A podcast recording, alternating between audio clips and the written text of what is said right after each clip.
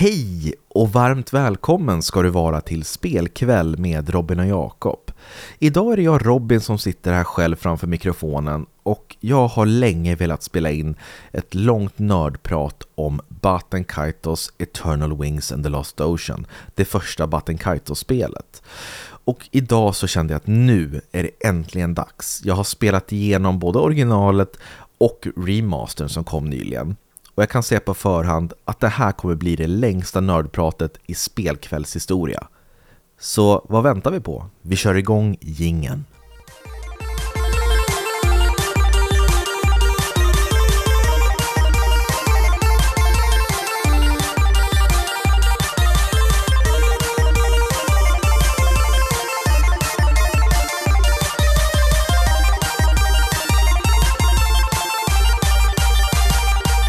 Sådär, varmt välkomna återigen säger jag till er.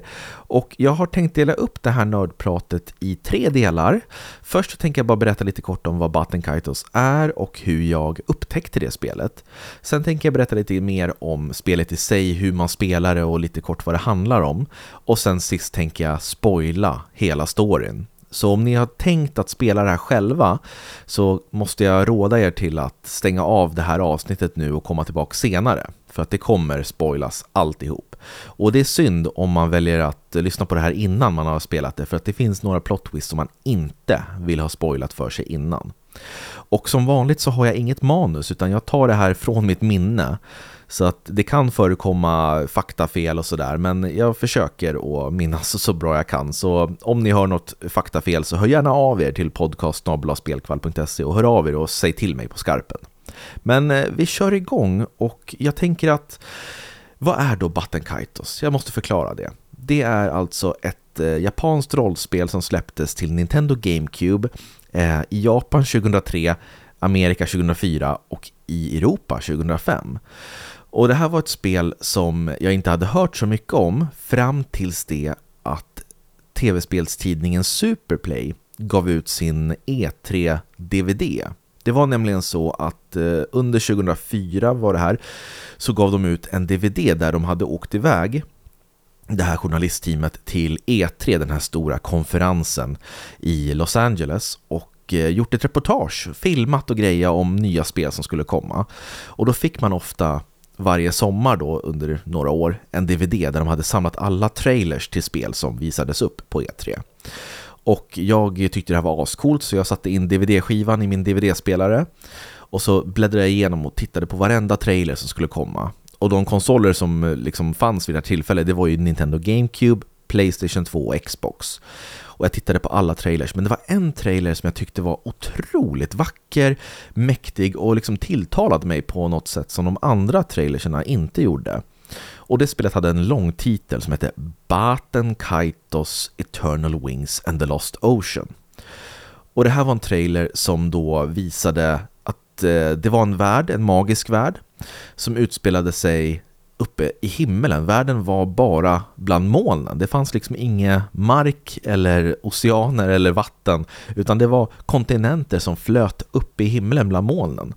Och jag har alltid haft någon form av kärlek till ja, men typ filmer och spel och berättelser som har utspelats uppe bland moln. Jag tycker det känns som så här, det känns väldigt som en frihet att vara där uppe och se moln flyga förbi och det känns bara mysigt på något vis. Så att eh, jag tittade på den här trailern och det verkade handla om en grupp eh, ungdomar som skulle stoppa någon eh, maktgalen eh, kejsare vid namn Geldoblame från att eh, väcka någon demongud till liv igen.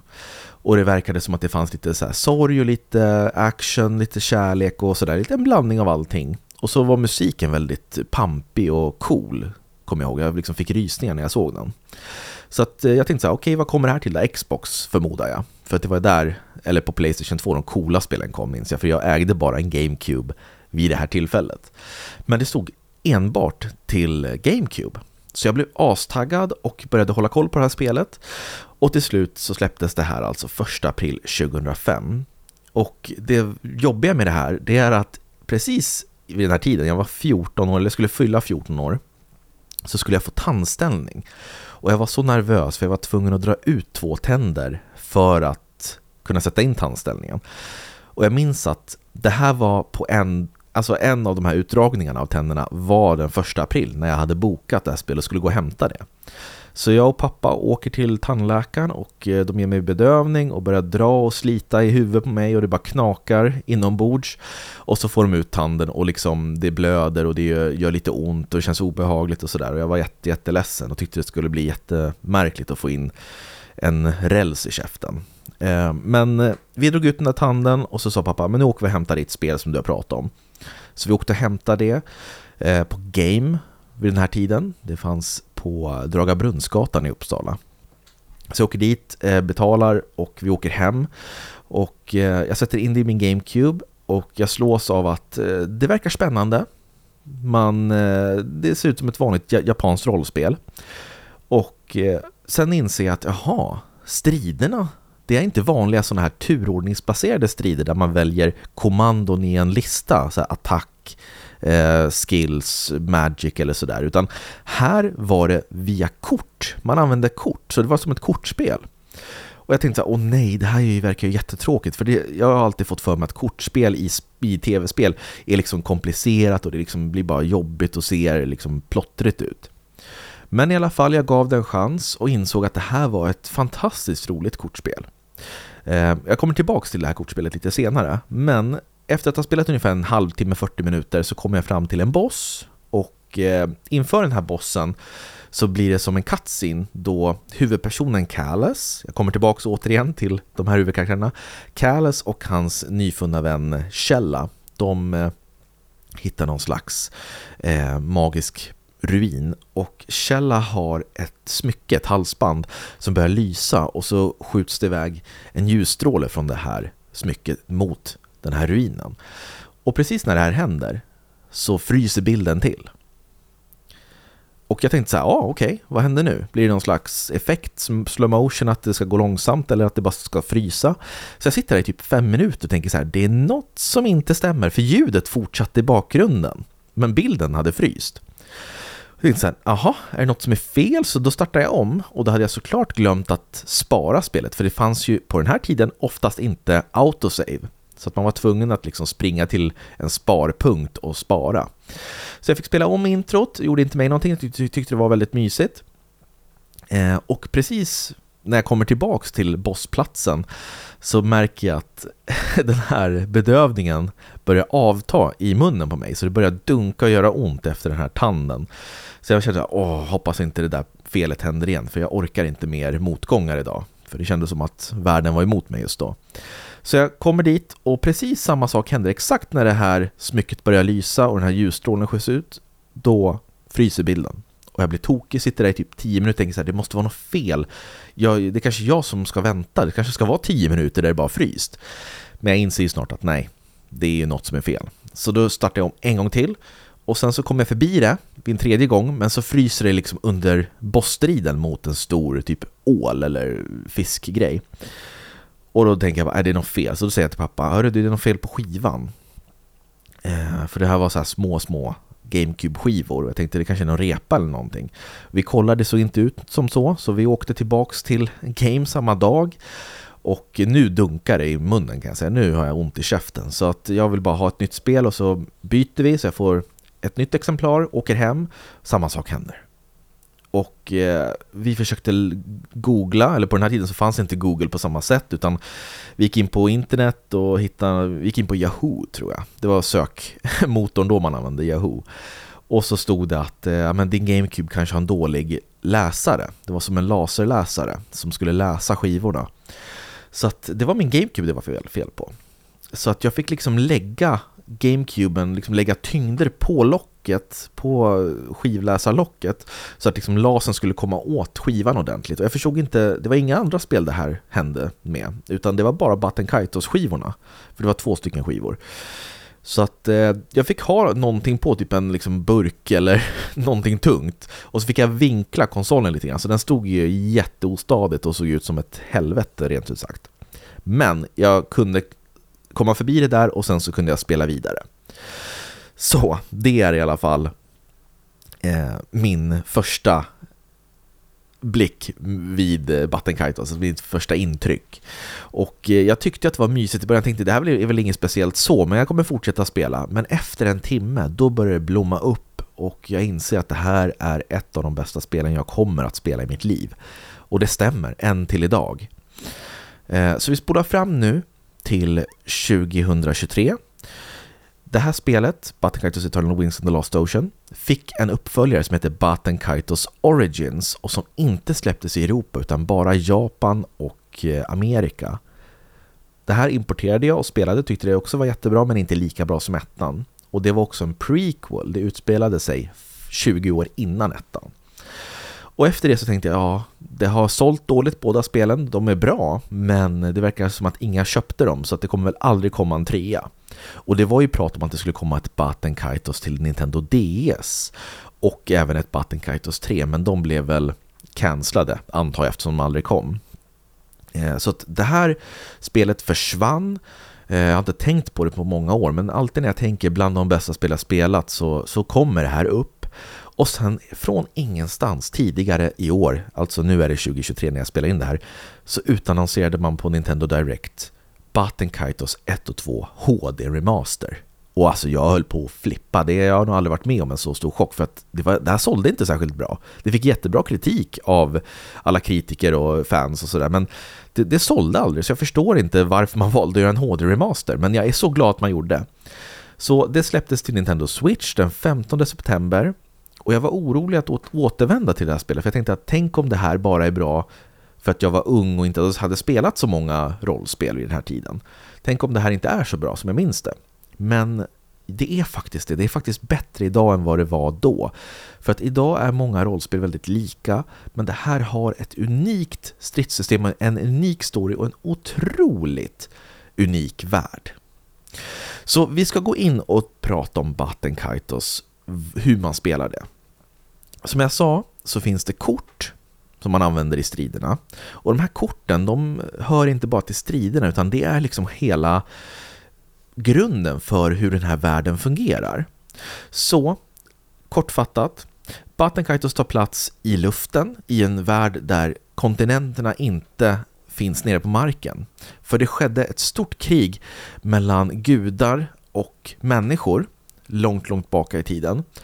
Och det var en ond gud som hette Malpertio som eh, var liksom guden av förstörelse och död.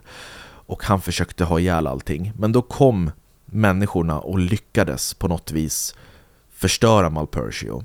Och i och med att han förstördes så rycktes alla kontinenter på jorden upp och flöt upp i himmelen och jorden blev obeboelig. Och så blev det som ett stort gasmoln under kontinenterna som gjorde att man inte kunde ta sig ner till marken, till jorden. Så de här kontinenterna flyter i luften av magi. Alla människor fick någon form av vingar, eller vad man ska säga, som de kan använda sig av i korta, korta stunder som kallas för Wings of the Heart. Det är liksom som en slags liten hjälp så att de kan flyga korta sträckor eller ta sig upp på platser och sådär. Så att de har inte någon permanent på sig utan de kommer fram när de liksom själva vill. Det är som en liten, liten superkraft om man ska säga. Ehm, så att det är liksom utgångsläget för världen. Och det finns fem kontinenter i den här världen. Och det är Sadal Sud, det är liksom en kontinent fylld av ruiner och mystik. Sen har vi Diadem, en kontinent fylld av moln. Liksom allting är liksom insvept i moln i olika färger. Det är väldigt mysigt. Det ser ut som bomull eller fluffig eh, vad heter det, sockervadd som inlindat överallt. Sen har vi Anuenue som är väldigt naturrik. Det finns massor av träd, skogspartier, djungler. Eh, folk tar verkligen tillvara på det naturliga och skogs, eh, alltså det skogen har att erbjuda. Så att det är en väldigt mysig kontinent. Sen har vi Mira, det är den fjärde kontinenten och det är en kontinent som har på något sätt hamnat mellan dimensioner.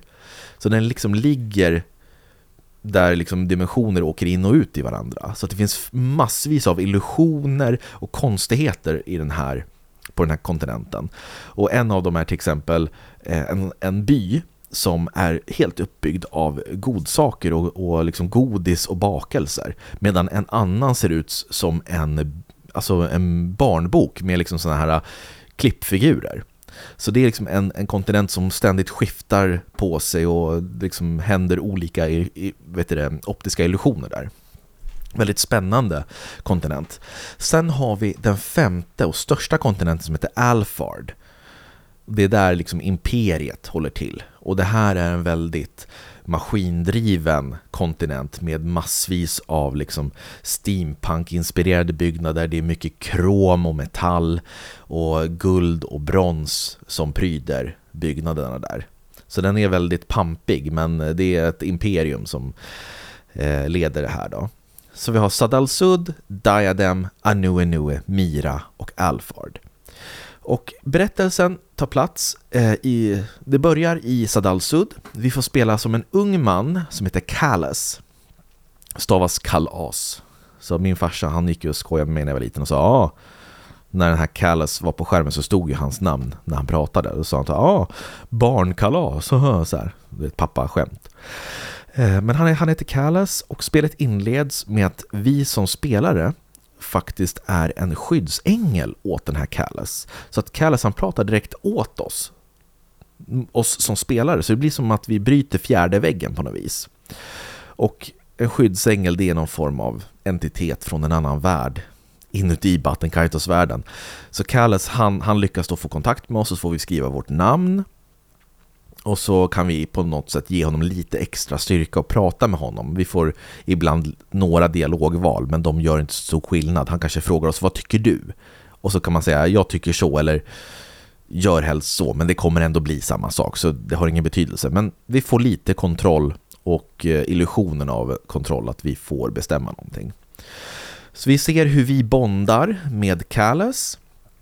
Eh, han välkomnar oss och säger hej, jag heter Kalles, vad heter du? Och Så får vi skriva vårt namn. Och sen direkt efter så svimmar Kallas och så vaknar vi upp i en säng i en liten by som heter Sebelrai i Sadalsud. Där det framkommer att vi blev attackerade, Kallas blev attackerad och tappar minnet och vi har också tappat minnet som skyddsänglar.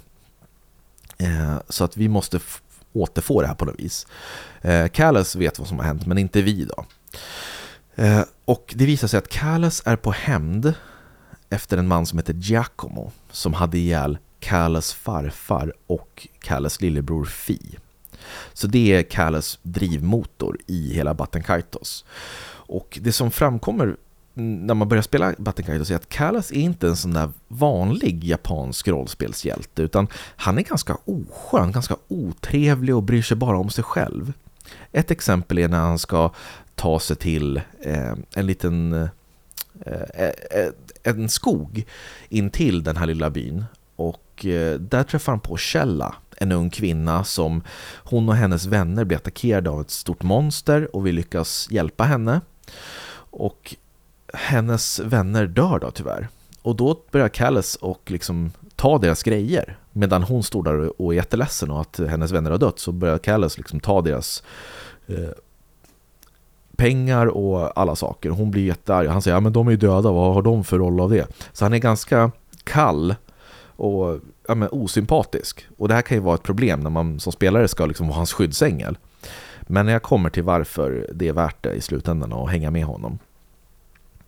Så det är liksom premissen, utgångsläget för Battenkaitos. Vi ska ta hämnd på den här Giacomo. Men Källa, den här kvinnan vi träffar, hon har ett annat uppdrag som jag kommer till lite senare. Men vi hoppar över till stridssystemet innan vi tar storyn, för den är lång och den kommer jag verkligen gotta ner mig i. Så stridssystemet fungerar som så att man använder kort. Magnuskort kallas de. Och inuti den här världen som Baltenkaitos tar plats i så används Magnus-kort till allt möjligt. De är som behållare av föremål. Så med de här korten kan du lagra essensen av i princip vad som helst i de här korten. Så om du vill ha ett äpple så behöver du inte ta upp äpplet och eh, lägga det i fickan eller någonting utan du kan bara ta det här Magnuskortet, hålla det framför äpplet och så fångas äpplet inuti kortet. Så den fysiska formen försvinner och essensen blir kvar i kortet. Och då kan du när som helst ta ut kortet och så kan du få det att återgå till sin fysiska form och så har du ett äpple i handen fast du har inte behövt lägga det i fickan. Du har det i ett litet kort. Så det är ett jättebra sätt att förvara saker på. Och det här används ju på, på alla sätt och vis och alltså i början av spelet så står liksom handlare och eh, affärsägare och ropar så här, men kom och handla hos oss, Magnus kort av högsta kvalitet. Visst är det jobbigt när kort går sönder efter fyra användningar? Våra Magnus kort håller flera gånger. Så att Magnus kort används till allt möjligt. Och det är jättebra sätt att, eh, ja men när det kommer till sidequests och sidouppdrag så kan du alltid plocka upp saker och spara i Magnus kort och sen ta med det till den som vill ha någonting exempelvis. Eh, men de används ju också i strider. Så i striderna så har du såklart Magnuskort med bilder på vad de innehåller. Och då kan det vara alla typer av svärd och sköldar och Eh, sen har vi ju källa, alltså Kalles använder svärd, källa använder magi, så det är bild på magigrejer. Sen har du eh, de andra karaktärerna och de har specifika vapen i sina Magnuskort. Då. Så du får en hand med olika Magnuskort och i början av spelet så har du ju färre kort och du har en mycket, mycket mindre kortlek. Den går upp allt eftersom du går upp i klass och level. Men vi kommer till allt det. Men jag ska förklara lite kort bara hur man slåss i Battenkaitos. Du springer omkring och du ser fienderna ute på spelkartan. Och när du då kommer nära en fiende, då dras du in i en strid. Så det är inte ett random encounter som det är vanligt i tidiga japanska rollspel. Utan du ser alltid fienderna och har du tur så kan du slinka förbi och slippa slåss om du inte vill. Men du eh, vet alltid när det är dags för en strid. Så när striden börjar, då kommer ett visst antal kort upp beroende på vilken level och klass du är. Färre om du är lä lägre level, fler kort om du är högre Eh, level och klass. Förlåt, klass är inte level. Så i Kallas fall så kan det komma upp i början av spelet två kort eh, i, som du kan använda. Och då kanske det är en bild på ett svärd och sen på en kniv. Och eh, sen står det en siffra bredvid de här korten och de har ingenting att göra med hur mycket det skadar. Utan de kan användas för att göra att skadan blir extra eh, stark genom att man då spelar som ett parti poker ungefär.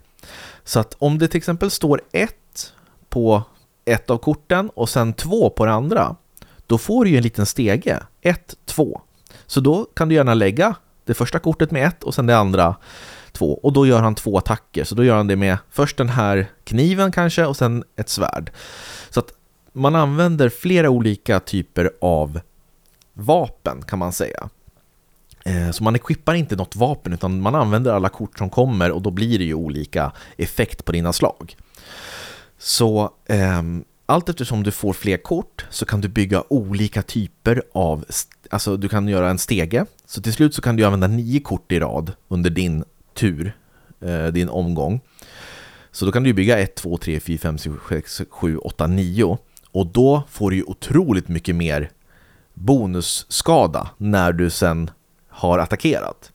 Men det är ju svårt, du kan ju aldrig bestämma när korten ska komma i vilken ordning, så ibland så får du liksom ja, bara använda attackkorten och hoppas på att de skadar bra tillsammans. Men ibland kan du säga, ah vänta, där kom ett sånt kort eh, med en 9 och jag har en åtta och en sjua. då kan jag bygga 7, 8, 9 eller 9, 8, 7, det blir ändå en stege i följd.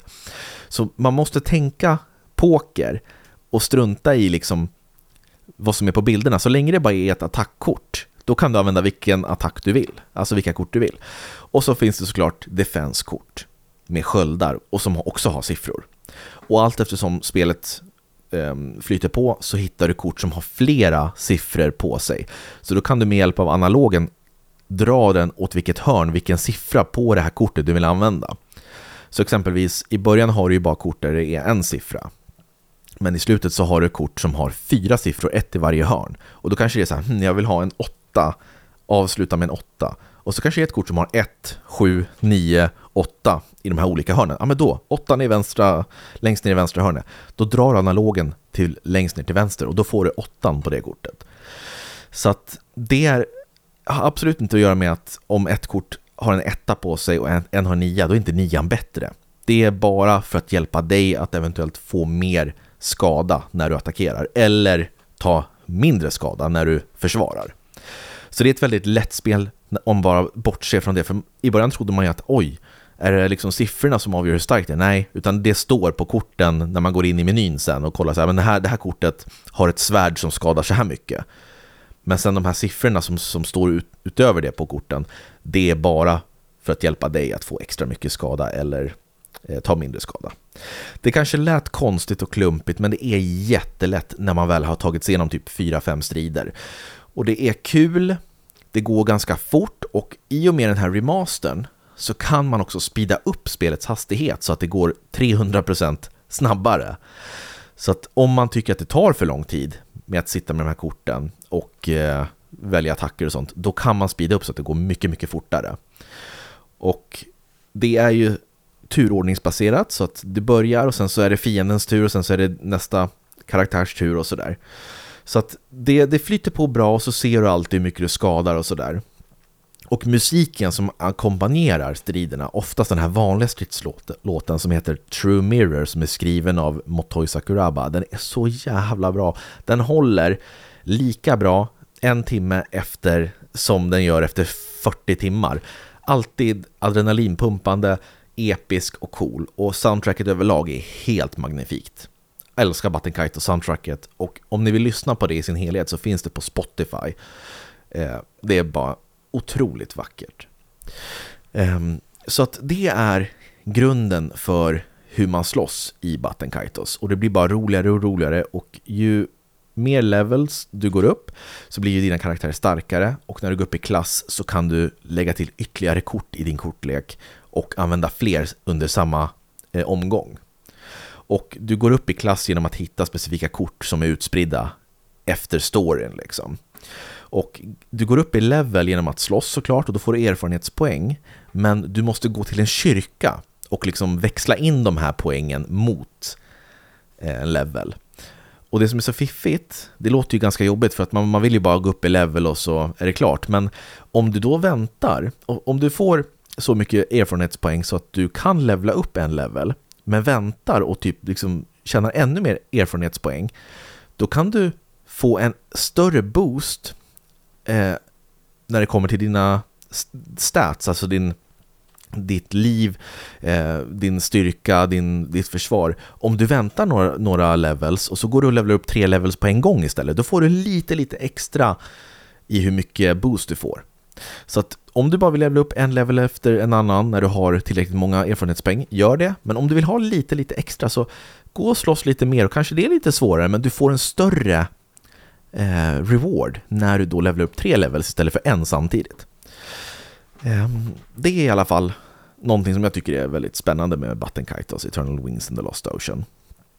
Eh, någonting annat som jag liksom vill också påpeka om den här världen i Button Kaitos, det är att man lyckas blanda liksom japansk fantasy med typ sydamerikansk kultur. Det är ofta platser där det är människor som har väldigt stora sådana här eh, smycken som påminner om sånt man har sett i till exempel om ni har sett den här vägen till Eldorado när de kommer till Eldorado. Det är många som har smycken och det är guldprytt överallt och kläderna har ett visst typ av säregen prägel liksom. Och det, det återfinns i Battenkaito. Så det är en blandning mellan det, japansk fantasy och sen på något vis steampunk, metall framtid plus lite digitala grejer, för det finns kameror, det finns här typ datorer-ish.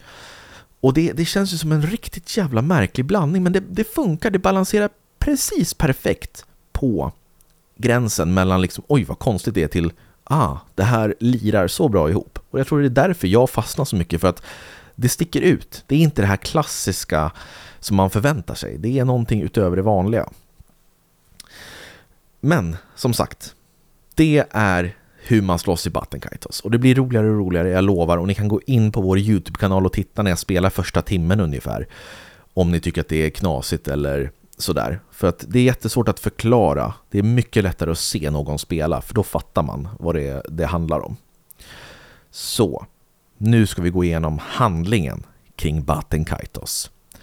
Så vi får spela som Kallas. han träffar på Källa, vi ska ta hämnd på den här Giacomo. Och något jag måste nämna här är att jag nämnde ju att folk på de här kontinenterna har något som heter Wings of the Heart, att de kan framkalla vingar och använda dem under korta perioder. Men Callas, han har bara en vinge och han använder en mekanisk vinge som sin andra, som hans farfar har byggt åt honom. För hans farfar hette Georg och han var en uppfinnare. Men nu är han alltså mördad av Giacomo och Callas lillebror Fi. Så jag vill bara säga det, för det kommer tillbaka lite senare. Så i alla fall, de, Källa och Callas, de träffas. Och Källa säger att jag har ett viktigt uppdrag. Det är nämligen så att det finns en gud som förstörde världen för tusen år sedan. Han heter Malpertio.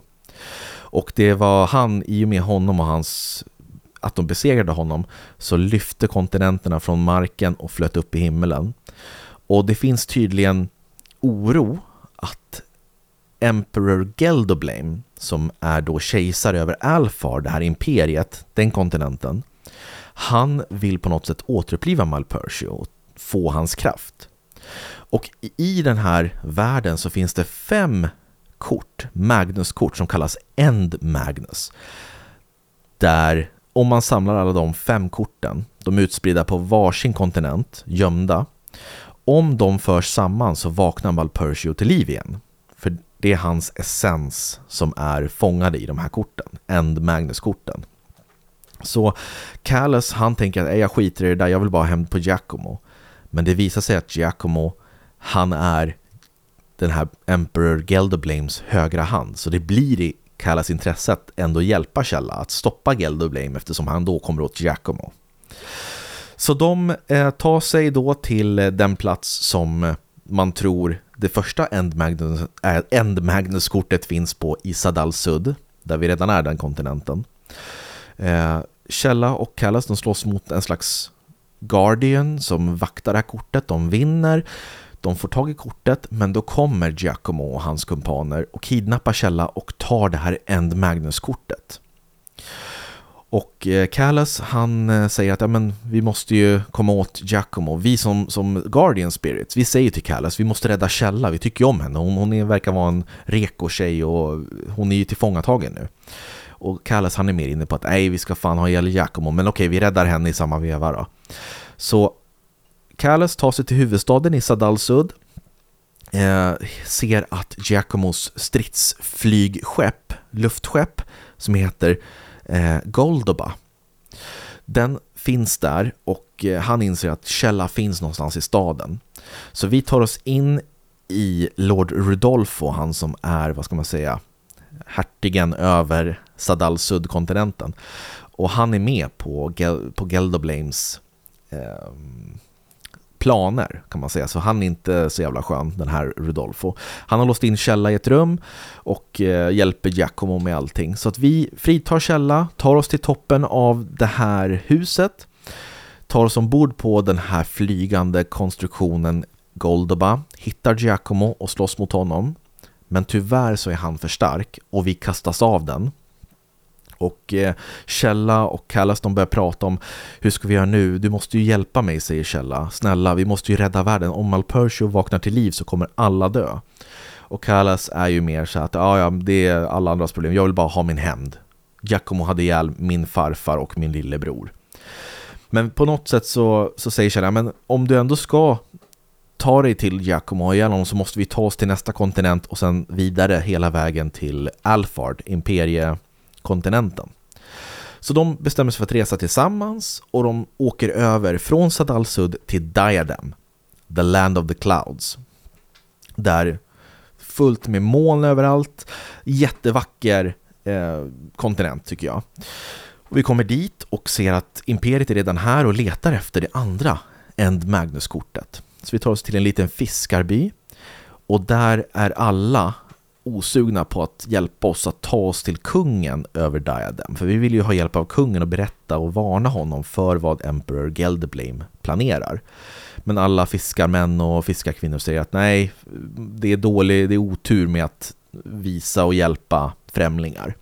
Men det finns en fiskgubbe, fiskargubbe som eh, går emot alla andra i byn och han är lite mer så här, äh, vad fan, det är klart jag hjälper dem. och han heter Gibari. Och han blir den tredje spelbara karaktären och joinar vårt party för han, han tycker att alla i den här byn är otroligt, eh, ja, men liksom, de, de vill inte hjälpa, de är snåla, de är rädda och, och han tycker att det är en skymf mot vad han står för. Så han hjälper oss, Callas och Källa, att ta sig till huvudstaden i Diadem och där har ju imperiet redan invaderat slottet och den här King Ladekan som är kung över Diadem. Men man lyckas ta sig in och precis när man kommer dit så ser man att han blir skjuten, den här kungen, av Giacomos anhöriga. Så att Ladekan, han blir skjuten och vi försöker hjälpa honom. Och i och med det här så finns det en soldat i det imper imperiska eh, armén som precis har attackerat Ladekan som heter Liud. Och honom har vi sett tidigare i spelet på sina håll och kanter och han har varit ganska artig och trevlig. Och när de skjuter kungen då säger han varför gjorde ni sådär för han, han ville inget illa. Så då vänder han sig mot imperiet och joinar oss också så vi får vår fjärde spelbara karaktär. Eh, och eh, vi lyckas då få bort trupperna från Diadems slott. Och Ladekan säger så här att ah, tack för att ni räddade mig, han överlever som tur är. Och så börjar, börjar vi prata om eh, End Magnus och han säger att det finns en legend om att det ska finnas någonstans här borta i någon grotta här i Diadem. Så vi får instruktioner om vart det ligger, vi tar oss dit, vi slåss mot en Guardian och eh, får det här kortet. Och precis då så kommer en av Giacomos följare och eh, norpar kortet från oss och flyger iväg. Så nu har vi förlorat båda en Magnus-korten. Eh, men nu är vi alltså fyra stycken. Kalas, Källa, Gibari och Liud. Och eh, han litar inte på varken Gibari eller Liud. Han säger att men Liud han är ju från Imperiet. Han är från Alfard och han, jag lovar att han, han kommer hugga oss i ryggen när som helst. Och Gibari är mer av en sån här lite mer farsa eh, gestalt. Att, men kom igen, vi hellre det, det, tycker jag är ganska bra som han säger, Gibari. Hellre bli sviken och lita på någon än att leva hela livet och bara vara ensam och aldrig lita på någon. Det tycker jag är lite fint faktiskt, för jag håller lite med där. I alla fall, Ladikan säger då måste ni ta er till Anuenue, den tredje kontinenten, och träffa på drottning Corellia. För hon måste få reda på det här och hjälpa er hitta det tredje än Magnuskortet. Så vi tar oss, vi får kung Ladikans officiella flygskepp kan man väl säga, The Mindeer, som ser ut som en typ ska säga, en gigantisk typ snigel om att man sitter i dens skal och flyger. Det är jätte, jättemärklig flygfarkost, men den är cool.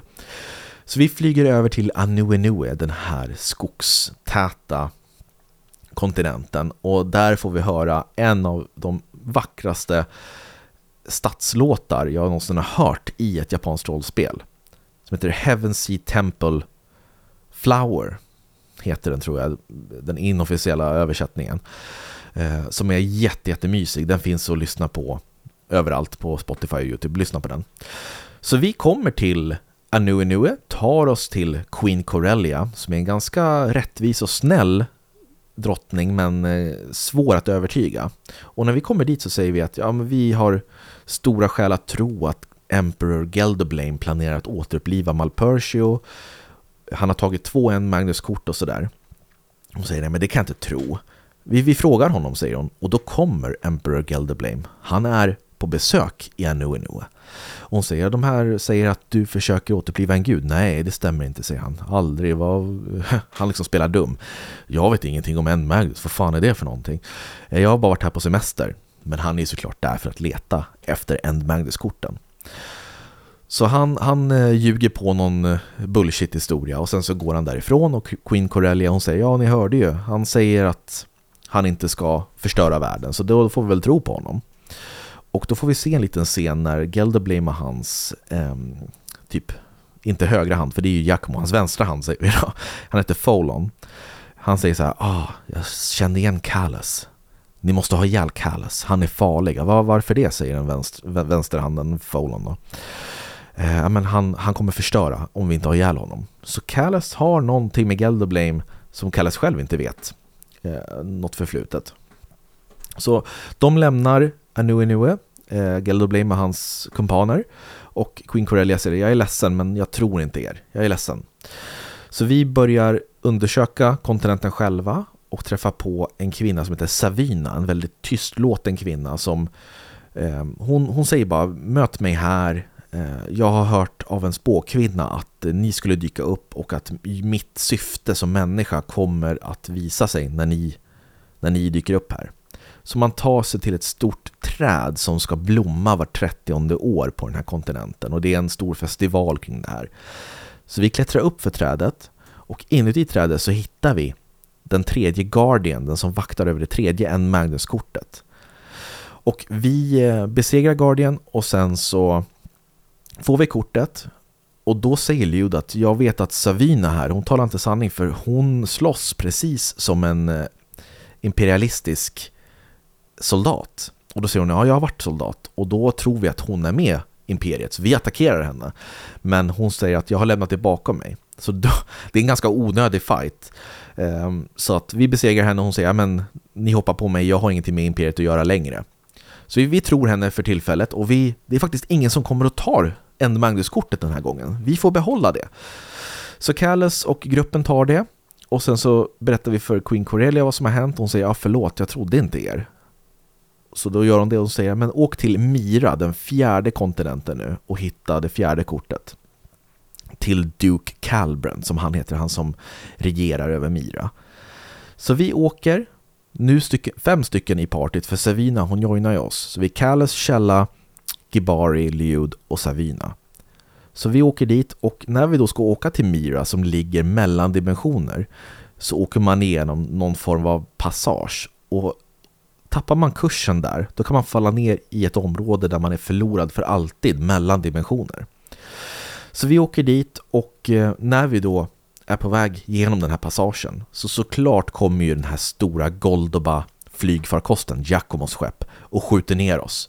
Så vi faller ner, åker ner i det här alltså gigantiska vakuumet mellan dimensioner och vi är förlorade för alltid. Tror vi. Då kommer den sjätte sjätte spelbara karaktären och sista som heter The Great Missouri som är en riktigt rolig karaktär för det är en liten liten krabat som bär på en väldigt märklig mask så man hör inte vad personen säger riktigt. Lite så här eh, märklig eh, röstläge som den här karaktären har. Och Missouri kommer åkande på, på en liten båt mitt i det här eh, ingenmanslandet. Och så säger vi hej, vem är du? Ja, men jag är The Great Missouri och jag ska typ rädda världen. Jag är här på uppdrag. Jaha.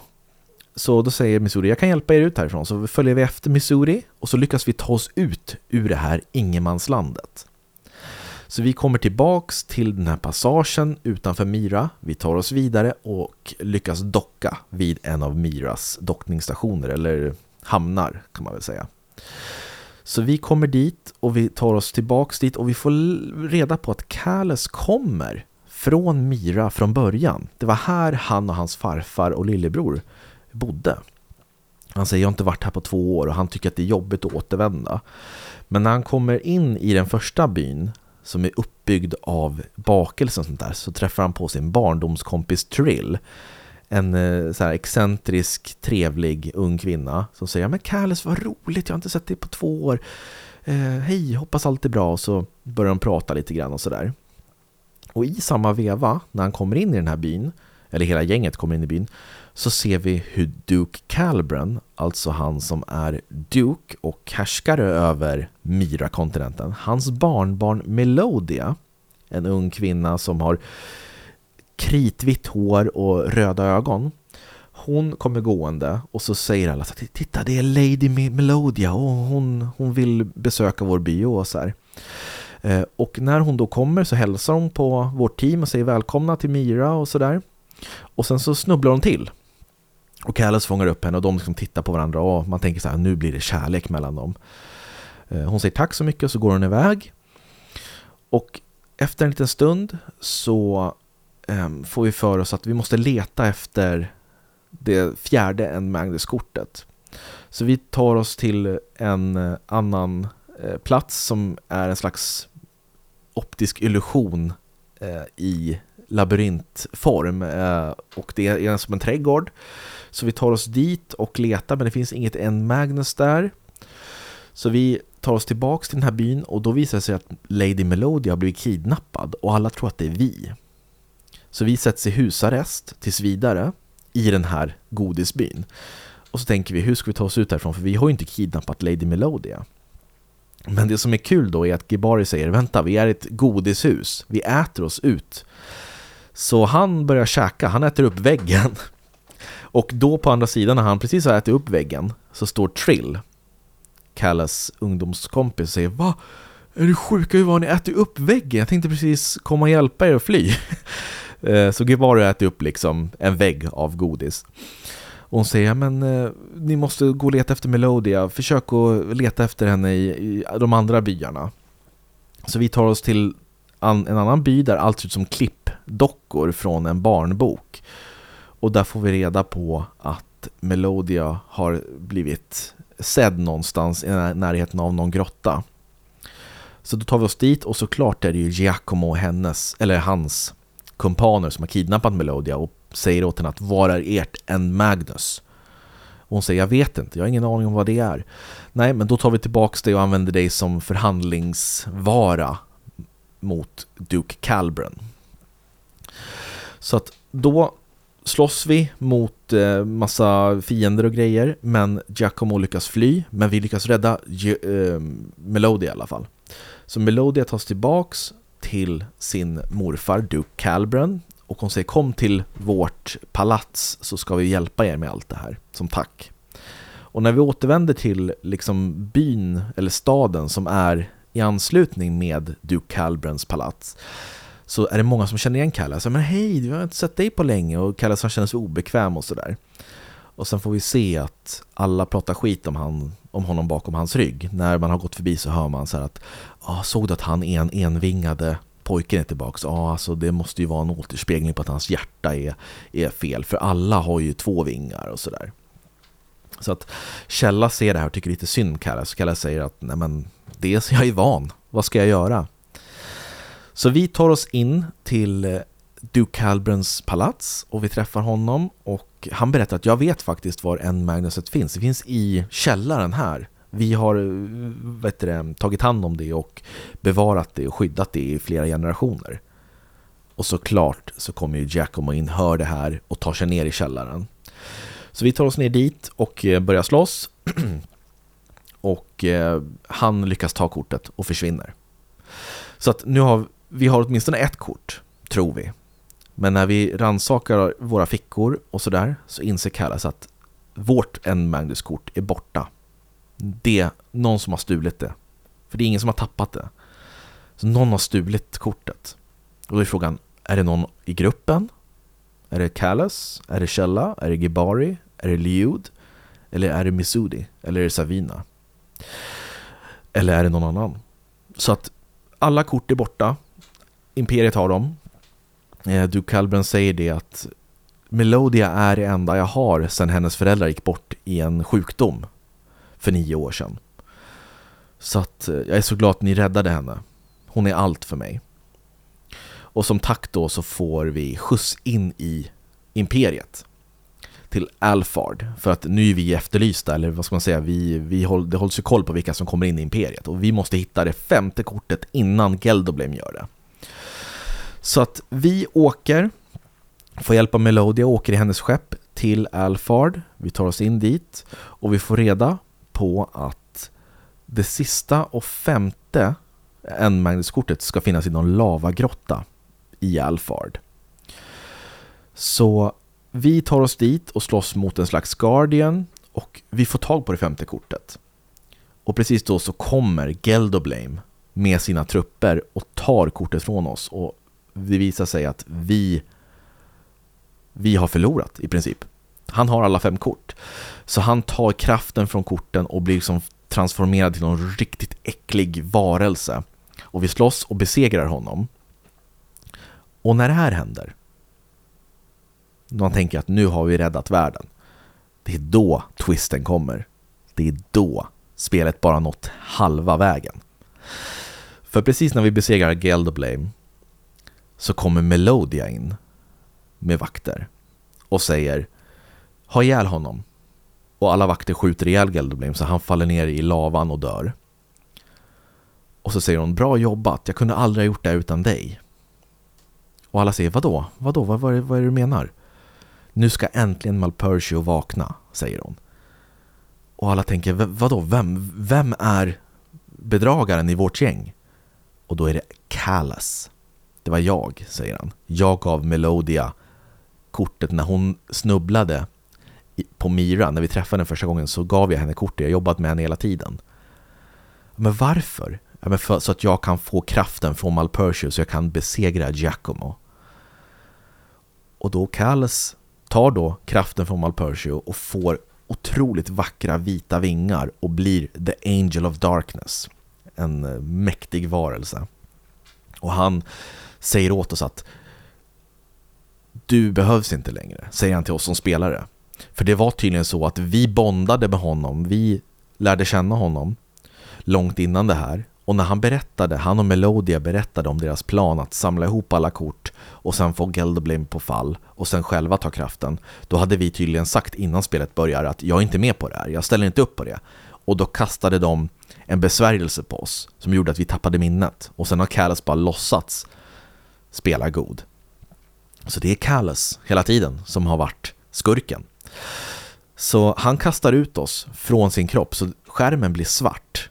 Och alla hans vänner, Shella, Gibari, Savina, Missouri, Liu, de är helt knäckta av hans, liksom, eh, att, att de har blivit förrådda. Så skärmen blir svart. Men vi lyckas hitta tillbaks. Vi lyckas hitta till, till källa. Så att vi blir hennes Guardian Spirit istället. Och vi lyckas hjälpa henne att fly från Melodia och Callas. Och hon måste då under, det här är alltså andra halvan av spelet, jag tänker inte gå in på alla specifika saker, men hon måste sakta men säkert hjälpa de andra gruppmedlemmarna att, att bli fria och de har alla blivit liksom fastbundna eh, mellan dimensioner så vi måste ta oss in och besegra fiender från alla tänkbara dimensioner och frita dem. Och efter Källa har gjort det här så åker vi till ett land som heter Wazen. Och det är en ö som är täckt av snö. Och där får vi veta att Källa är drottningen där. Och det är där som de har sagt till henne att du måste rädda världen från början av spelet. Så det är så hon visste om den här End Magnus-grejen. För det är inte alla som har vetat om Malpercio och det här. Men hon får tag i något som kallas The Ocean Mirror. Och med hjälp av den här så tar sig Källa och resten av gruppen till stället där Melodia och Callas gömmer sig. Och hon använder den här Ocean Mirror på Callas. Efter en lång strid mot honom så använder hon den här spegeln och han lyckas bryta sig fri från Malpercio och inser att vad har jag gjort? Jag vill inte det här. Så han sliter av sig sina vingar och Melodia blir helt knäckt. Hur kan du säga nej till en guds kraft? Hur kan din egen vilja vara större än gudens kraft? Jag förstår inte, hon blev knäckt. Men Callas visar att jag har hellre en vinge och en, me en mekanisk vinge än två silvervita vackra vingar som byggs på en elak guds kraft. Så Melodia, hon lyckas fly tillsammans med en ganska svag Malpercio för han har ju återuppstått men han är inte så stark som han kan vara. Så hon och Eh, Malpercio, de gömmer sig i ett torn som heter Core Hydra som är liksom fullt av hemska varelser och monster och är som ja, Malpercios palats. Um, så Callas han känner sig jätteskyldig, uh, ber om ursäkt och säger att jag ska gott göra det här, jag, jag, jag gjorde fel. Jag blev liksom förblindad av all kraft. Så nu är han på vår sida. Och för att få hjälp att besegra Malpertio så säger Missouri att som då visar sig vara en liten flicka. Man tror att det är en, typ en robot eller något, men det är en liten flicka bakom den där masken. Hon säger att hon kommer från jorden, under de här molnen, de här giftiga molnen. Så hon kommer faktiskt från ytan. Och där finns det något som heter Sword of the Heavens som ska vara till hjälp om man vill besegra en gud. Så hela gänget lyckas ta sig ner under giftmolnen och kommer till en by där alla ser ut som Missouri. De har liksom dräkter på sig och masker för att kunna andas ordentligt. Eh, och när de då tar sig dit så visar det sig att Sword of the Heavens det har gått sönder. Så att det enda sättet att kunna besegra Malpertio och Melodia det är att använda något som heter The Magnus of Life. Ett Magnuskort med liv. Och då får vi också lära oss att Kalles, han inte är en vanlig människa. Utan hans farfar Georg, den här uppfinnaren, han jobbade under Geldoblame och han fick uppdrag att skapa ett artificiellt liv och döpte honom till Kalles och hans lillebror till Fi, så de är skapade i ett laboratorium. Men Geldoblame kände att Kalles var för mänsklig och eftersom han bara hade en vinge så tyckte han att det är värt att döda dem. Men det vägrade Georg. Han ville inte döda Callus och Fi för att han såg dem som sina barn eller barnbarn. Så han fejkade sin död och sprängde laboratoriet. Och sen så flydde han till Mira med Callus och Fi. Och det är där de då levde tillsammans. Men han skapades tack vare Magnus of Life, Callus alltså. Så det är han som sitter på den kraften och det är därför han också kunde bryta sig fri från Malpertius grepp när han då bestämde sig för att slita av sig vingarna. Men han vet liksom inte hur han ska komma åt den kraften nu. Men i alla fall, gruppen tar sig till Core Hydra och de kommer upp till toppen där de möter Malpertio och Melodia. Och efter en ganska intensiv strid så besegrar de Malpertio. Och Melodia lyckas äntligen bryta sig fri från den här, vad ska man säga, eh, kontrollen som Malpersia haft över henne. Och hennes hår, hon hade ju kritvitt hår, det förändras och blir grönt och hennes ögon är inte röda längre, jag tror de blir blåa eller gröna. Så att hon har också varit under, hela hennes liv i princip, har hon varit under Malpersios grepp. Malpertio har använt henne som ett slags verktyg att ta sig till livet igen. Och varför har han då valt henne? Jo, det framkommer att Duke Calbron han förlorade Melodia. Hon dog också i och med den här sjukdomen som hennes föräldrar dog i. Och eftersom han inte orkade förlora henne och inte, han vägrade förlora henne också så använde han kraften från ett End Magnus för att väcka henne till liv. Men i och med det så vaknade hon upp från döden levande absolut, men under den här kontrollen av Malpertio. Det var liksom priset som fick betalas. Men nu är hon äntligen fri från det och hon är sig själv igen. Och nu har hon inte det här kritvita håret och nu har hon ögon som inte ser ut som demonögon. Och när då Malpersia har dött för evigt, han behövs inte sättas in i några Endmagnus-kort igen, så sänks alla kontinenter ner igen till jorden. Alla kontinenter landar där de en gång i tiden var. Och ett stort eh, firande sker. Alla är ju överlyckliga, det är tillbaka som det ska vara. Ehm, men Källa pratar med Kalles och säger att eh, för att vi verkligen ska återställa jorden till det skick det var förut så måste vi få fram oceanen, havet igen. För det är liksom det sista pusselbiten.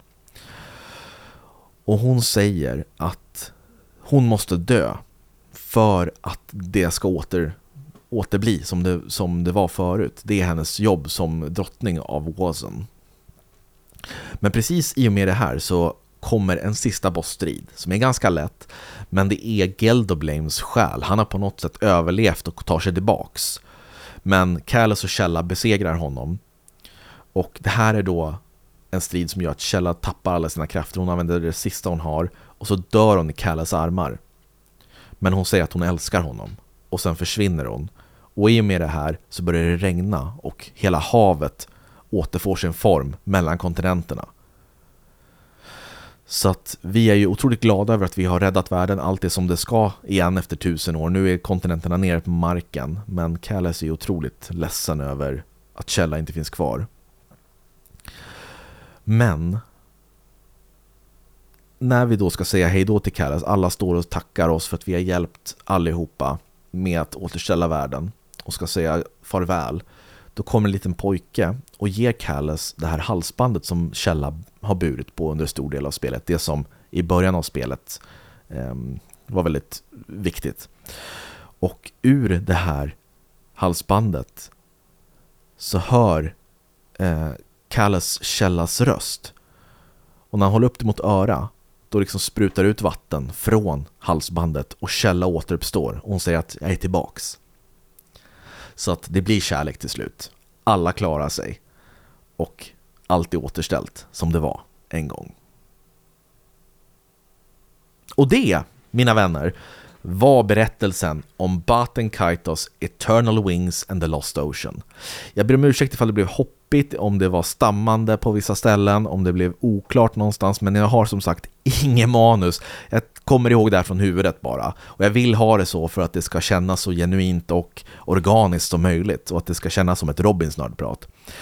Så jag hoppas att ni var intresserade av det jag berättade och spela gärna det här spelet för att uppleva den här unika känslan som bara det här spelet har lyckats ge mig i alla fall. Och uppföljaren som finns med i den här remasterutgåvan heter Origins, utspelar sig 20 år innan allt det här. Och en dag så kommer jag göra ett nördprat om det, för det gör att hela det här spelet får en ytterligare twist och gör det mycket mer sorgligt och eh, större faktiskt. Men det var allt för mig idag. Jag hoppas att ni verkligen tyckte att det var kul tumma upp höll jag på att säga, det är ingen YouTube-video det här. Men ni får jättegärna eh, ge oss betyg på Spotify och podcast, Apple Podcaster eller var det nu är någonstans ni lyssnar så att vi vet att ni vill höra mer. Eh, maila oss gärna på podcast berätta vad ni tyckte om mitt nördprat och gå gärna med i vår Discord. Och glöm för guds skull inte vår uppesittarkväll 30 december 20.00 på vår YouTube-kanal. Tack så mycket hörni, ha det bra, hej hej!